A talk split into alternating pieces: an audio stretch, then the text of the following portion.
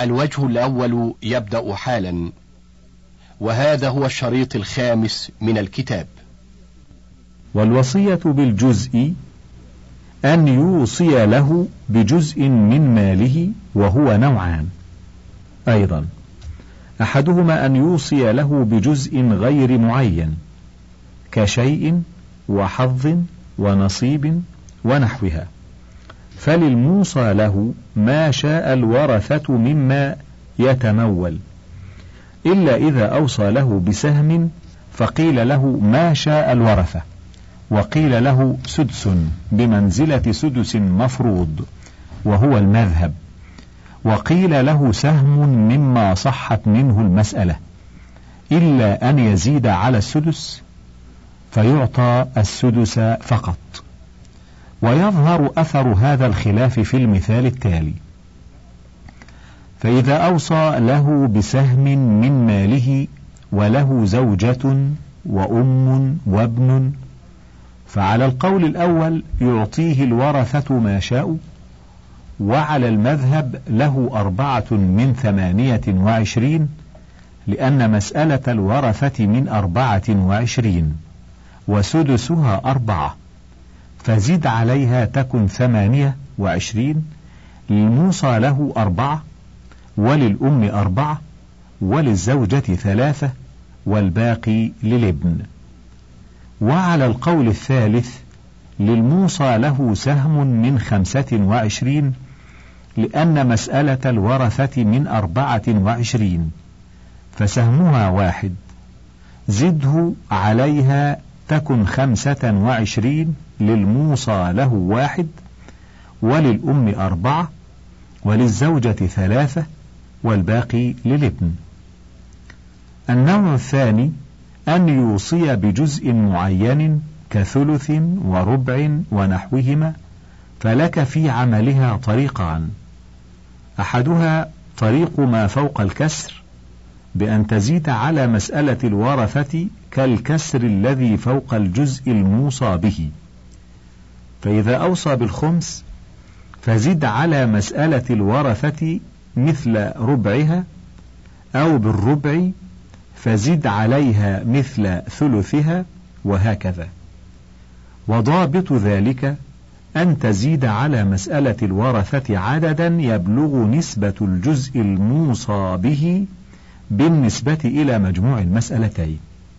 مثال ذلك أن يوصي بالخمس ومسألة الورثة من اثني عشر. فزد عليها ثلاثة وذلك مثل ربعها وهو خمس الخمسة عشر فيكون للموصى له ثلاثة من خمسة عشر ومسألة الورثة بحالها كل له سهمه منها. ولو أوصى له بالسبع ومسألة الورثة من ستة فزد عليها واحدا وهو نصيب الموصى له. وإن كانت من اثني عشر فزد عليها اثنين وإن كانت من أربعة وعشرين فزد عليها أربعة. فإن حصل كسر فابسطها من جنسه ليزول. فلو أوصى له بالخمس ومسألة الورثة من ستة لبلغت سبعة ونصفا فابسطها من مخرج الكسر اثنين تكن خمسة عشر. للموصى له ثلاثة واثنى عشر للورثة. الطريق الثاني أن تصحح مسألة الوصية من مخرجها ثم تصحح مسألة الورثة ويقسم الباقي بعد الوصية على مسألة الورثة.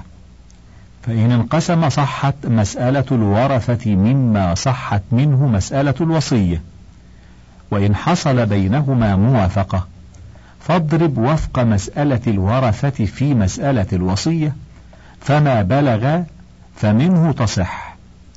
وإن حصل بينهما مباينة ضربت مسألة الورثة في مسألة الوصية فما بلغ فمنه تصح. وعند القسم من له شيء من مسألة الوصية أخذه مضروبا في مسألة الورثة عند التباين أو وفقها عند التوافق أو أخذه بحاله عند الانقسام.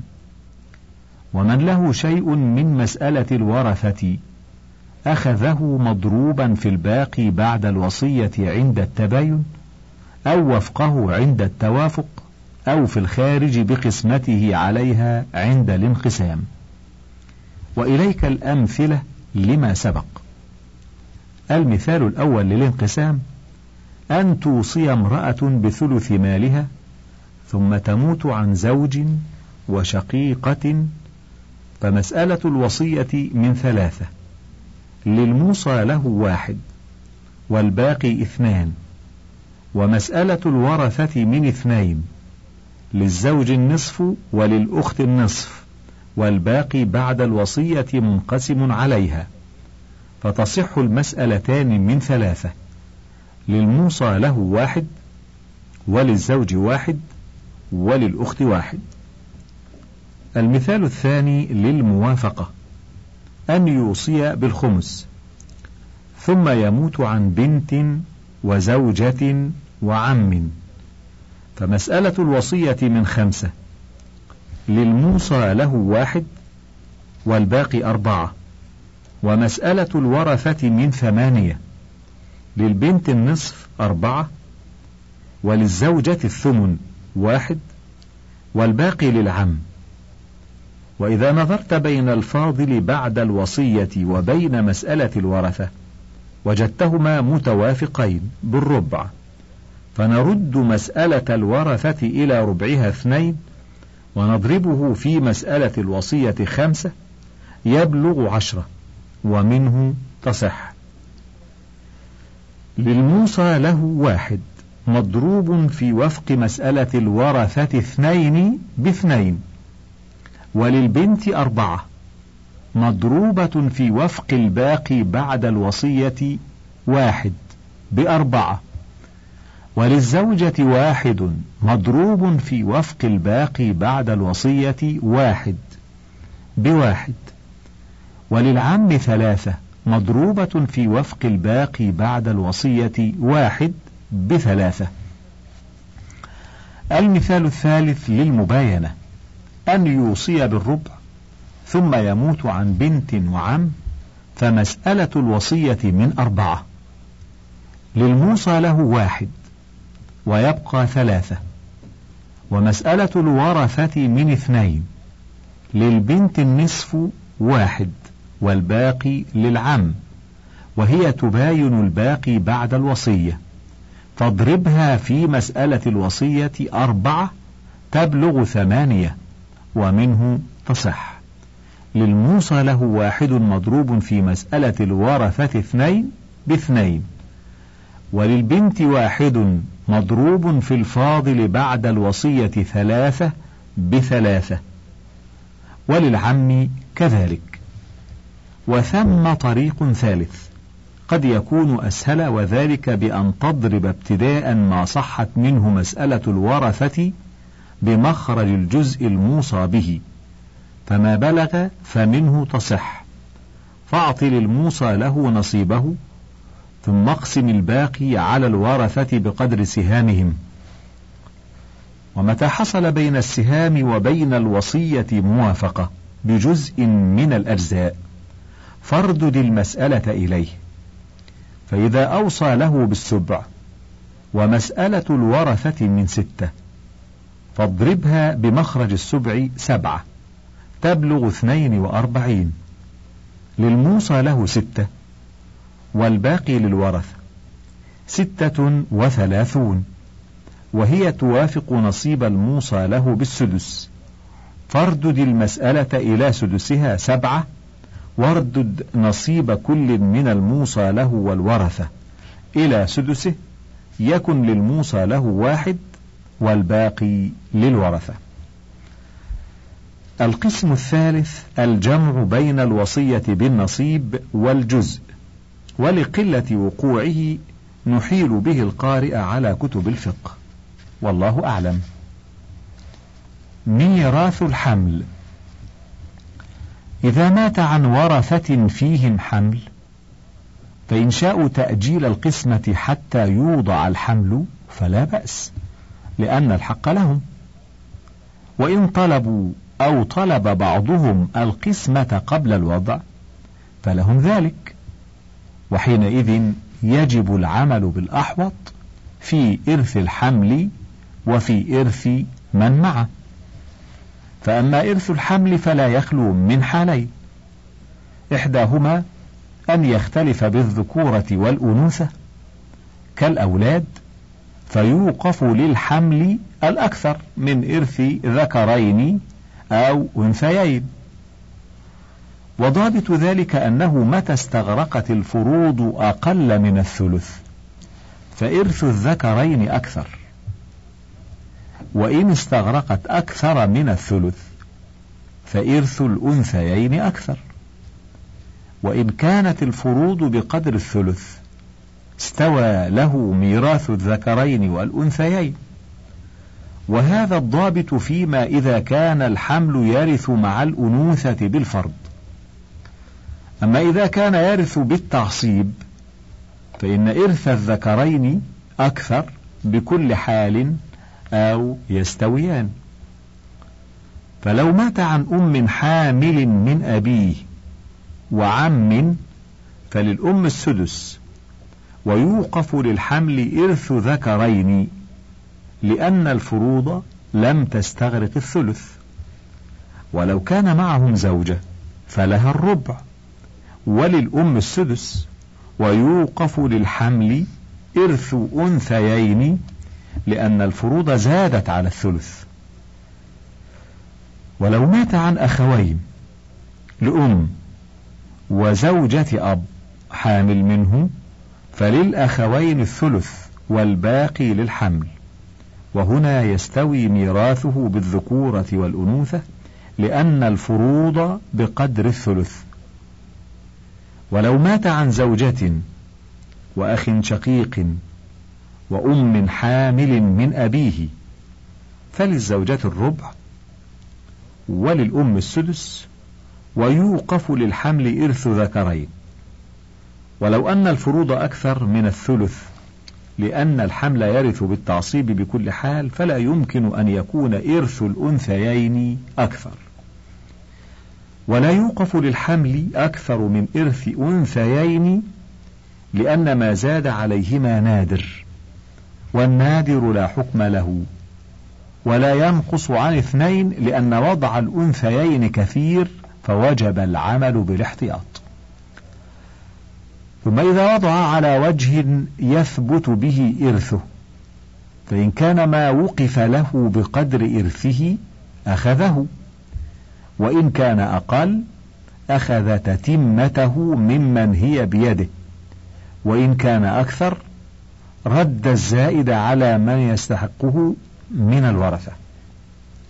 الحال الثانية ألا يختلف إرثه بالذكورة والأنوثة كأولاد الأم. فوقف له إرث اثنين وقدرهما ما شئت من ذكور أو إناث. وأما إرث مع الحمل فلا يخلو من ثلاثة أحوال. إحداها ألا يحجبه الحمل شيئا فيعطى إرثه كاملا. الثانية أن يحجبه عن بعض إرثه فيعطى اليقين وهو ما يرثه بكل حال. الثالثة أن يحجبه عن جميع إرثه فلا يعطى شيئا. فلو هلك هالك عن زوجة حامل وجدة وعم فالجدة لا ينقصها الحمل شيئا فتعطى إرثها السدس كاملا. والزوجة يحجبها الحمل عن بعض إرثها فتعطى اليقين وهو الثم. والعم يحجبه الحمل عن جميع إرثه فلا يعطى شيئا. شروط إرث الحمل. يشترط لإرث الحمل شرطان. أحدهما أن يتحقق وجوده حين موت مورثه وذلك بأحد أمرين. الأول أن تضع من فيه حياة مستقرة لدون ستة أشهر من موت مورثه مطلقا. الثاني أن تضع من فيه حياة مستقرة لأربع سنين فأقل من موت مورثه بشرط ألا توطأ بعد موته. فإن ولدته لأكثر من أربع سنين لم يرث مطلقا على المذهب بناء على أن أكثر مدة الحمل أربع سنين. والصواب أنه يرث إذا لم توطأ بعد موت مورثه لأن مدة الحمل قد تزيد على أربع سنين كما وقع. قال ابن القيم رحمه الله في تحفة الودود بعد ذكر الخلاف في تحديد أكثر مدة الحمل. قال وقالت فرقة لا يجوز في هذا الباب التحديد والتوقيت بالرأي. لأن وجدنا لأدنى الحمل أصلا في تأويل الكتاب وهو الأشهر الستة.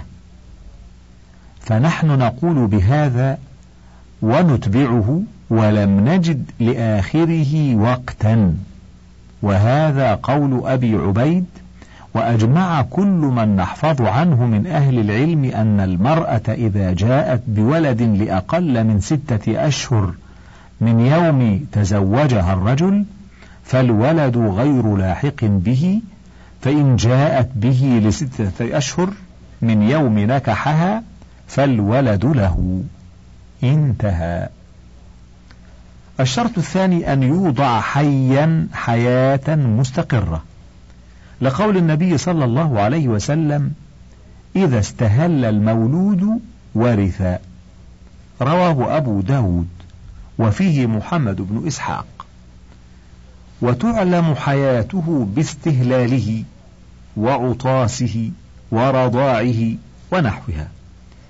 فأما الحركة اليسيرة والاضطراب والتنفس اليسير الذي لا يدل على الحياة المستقرة فلا عبرة به. ومتى شك في وجود الحياة المستقرة؟ لم يرث لأن الأصل عدمها. فائدة. يجب الاستبراء بعد موت المورث لكل موطوءة يرث حملها أو يحجب غيره. فلو مات عن أم متزوجة بزوج بعد موت أبيه وعن أخوين شقيقين وجب على الزوج الاستبراء لأن حمل أمه يرث منه. ولو مات عن أم متزوجة بزوج بعد أبيه وأخ شقيق وجد وجب على الزوج الاستبراء لأن الحمل يحجب أمه.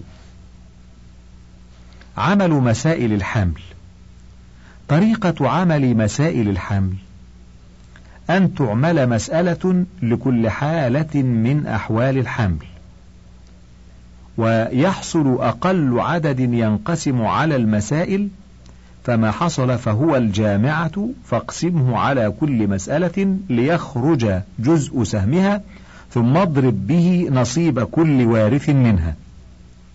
فلو مات عن زوجة حامل وعم فالمسألة على تقدير موت الحمل من أربعة للزوجة الربع واحد والباقي للعم.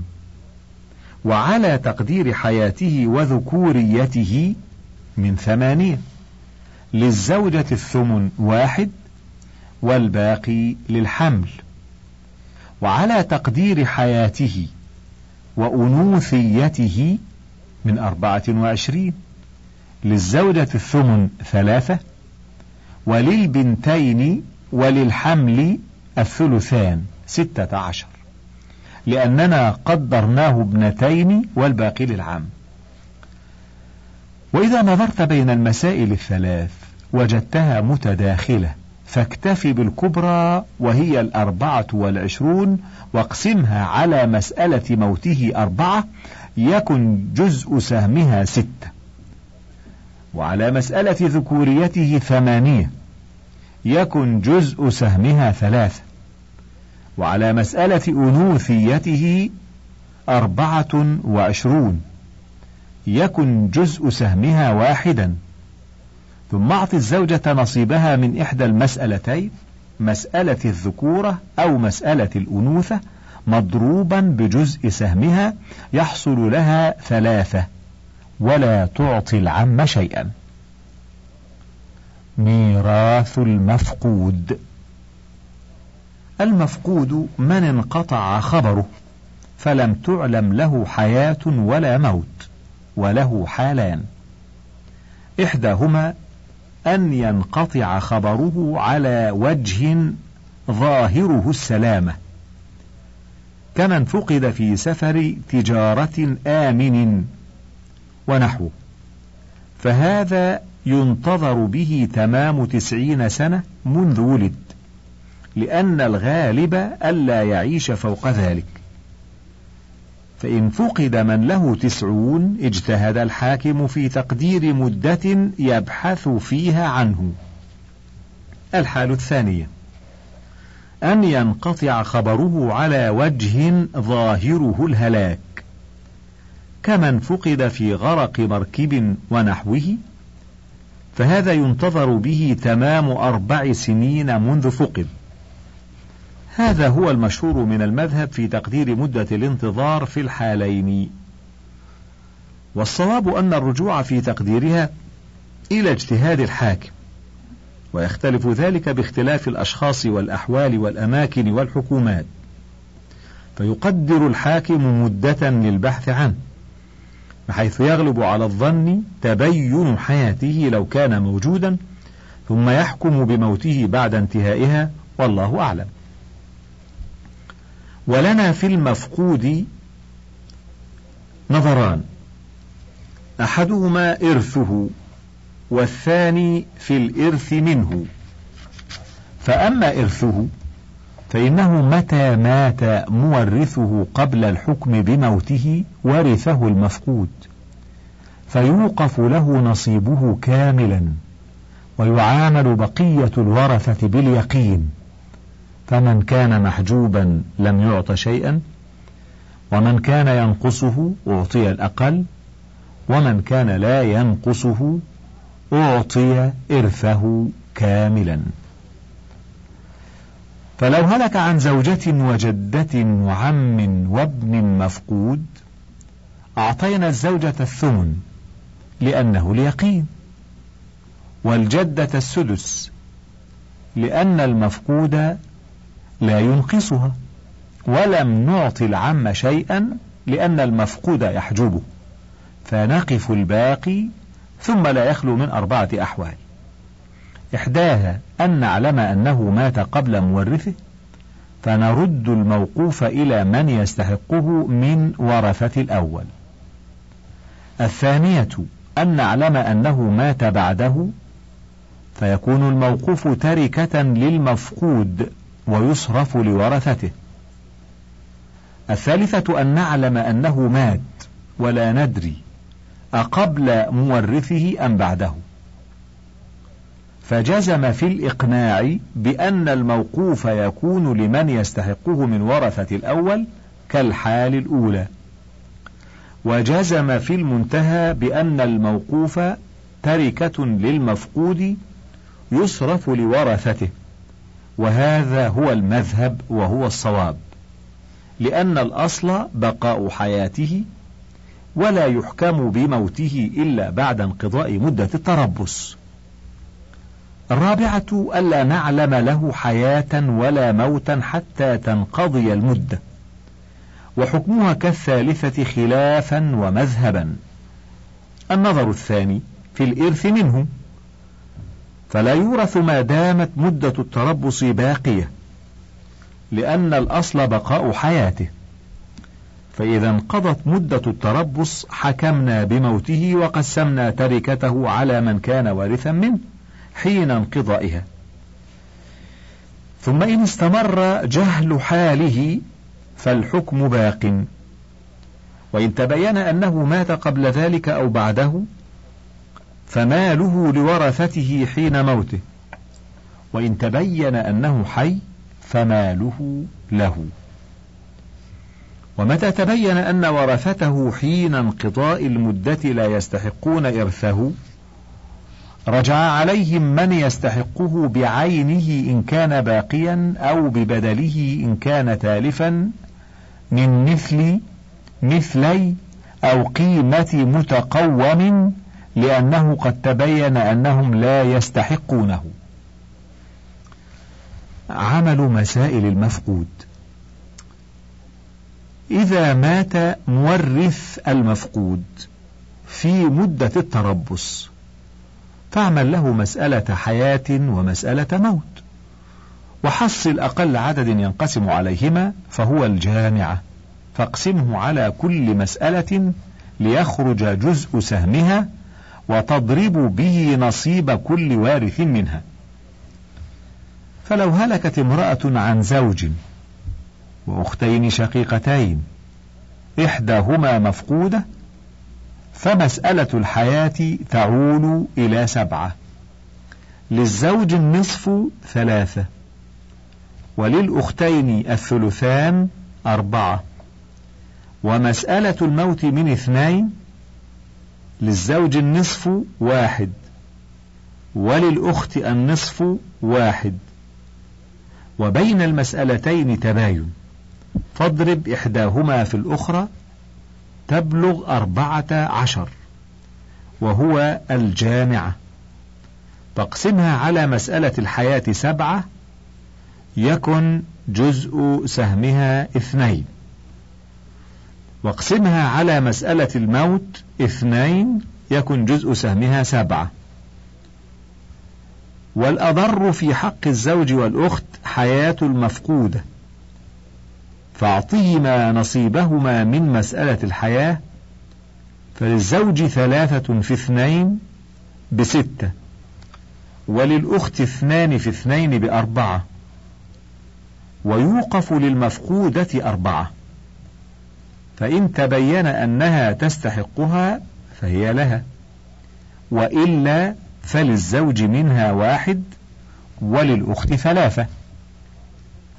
فائدة قال الفرضيون رحمهم الله قد لا يكون للمفقود حق في الموقوف كأن يكون ممن يحجب غيره ولا يرث.